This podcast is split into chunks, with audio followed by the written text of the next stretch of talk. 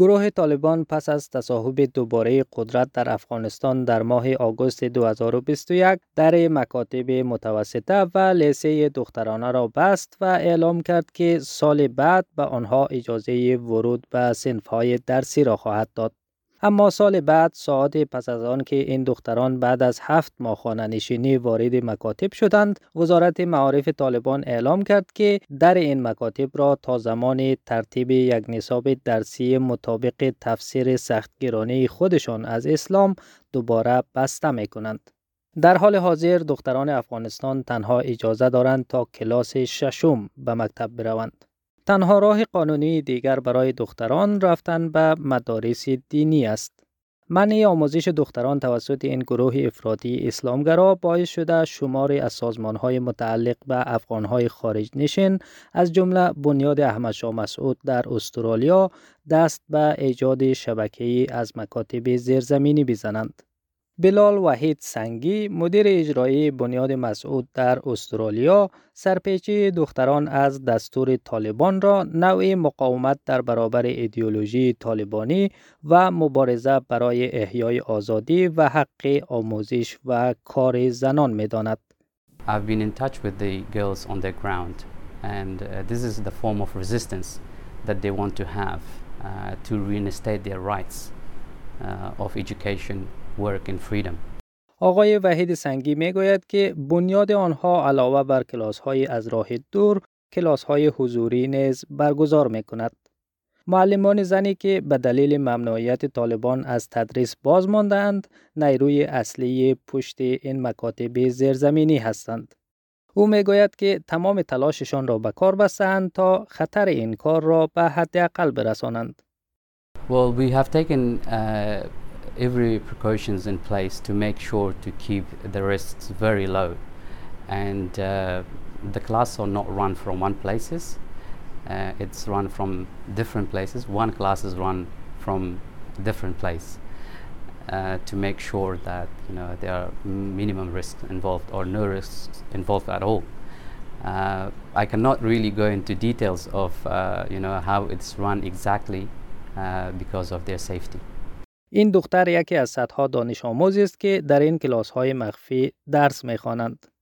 دختر خانم زیادی هستند که از درس و تحصیل دور ماندن و می‌خوایم به درس تحصیلشون ادامه بدن از شما دوستان می‌خوایم که همراه کمک کنین تا زمینه تحصیل و درس برای طبقه اوناس و جوان فراهم بسازیم طالبان نه تنها درهای مکاتب بلکه دانشگاه ها و سایر مؤسسات تحصیلات عالی را نیز برای دختران و زنان بستند.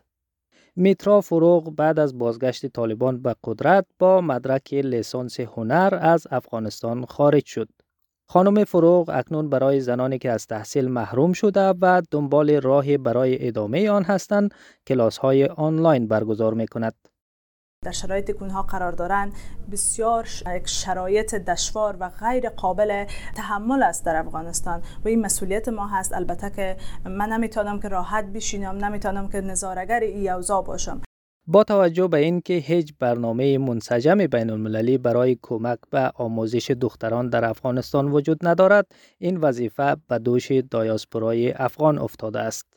و آنهایی که توانستند از زیر سلطه طالبان فرار و در استرالیا ساکن شوند با اشتیاق مصروف آموختن هستند. شماری از آنها در یک مرکز آموزشی در ملبورن مصروف یادگیری زبان انگلیسی هستند. اما با احساس گناه نسبت به آن عده عزیزانشان که در افغانستان جا ماندند. ناهید رحمانزاده یکی از پناهندگان است که اکنون در ملبورن انگلیسی یاد می‌گیرد. او می‌گوید اینکه زنان و دختران افغانستان نمی‌توانند از طریق آموزش به آرزوهایشان برسند برایش خیلی آزاردهنده است. اینجا زبان دوم آموختم اما خانم ها و دخترای افغان کونا به صدها امید و آرزو می‌خواستن تحصیل کنند و تحصیلات خود ادامه بتن متاسفانه همشان به خانه هستند و هیچ کدامشان دسترسی به علم و دانش ندارن این مر سخت آزار میته و بسیار بر من سخت است مسئول این کلاس های انگلیسی در ملبورن گلاب بیژن است که نه تنها این کلاس ها را اداره می کند بلکه شبکه از مکاتب مخفی دخترانه را در افغانستان راه اندازی کرده که در آنها معلمان به صورت حضوری به دختران آموزش می دهند. When they shut down the uh, schools, it was as heartbroken as I was very disappointed and I said we should do something and already we got um, a house in there and we started the schools there اما این مکاتب مجبورند تحت عنوان کلاس های دینی فعالیت کنند زیرا این تنها نوع آموزش است که دختران اجازه دارند در سایه نظام طالبانی فرا بگیرند در دوران تاریکی که هیچ روزنه امیدی برای دختران افغانستان وجود ندارد افغانهای استرالیا با چراغ در دست به یاری آنها شتافتند.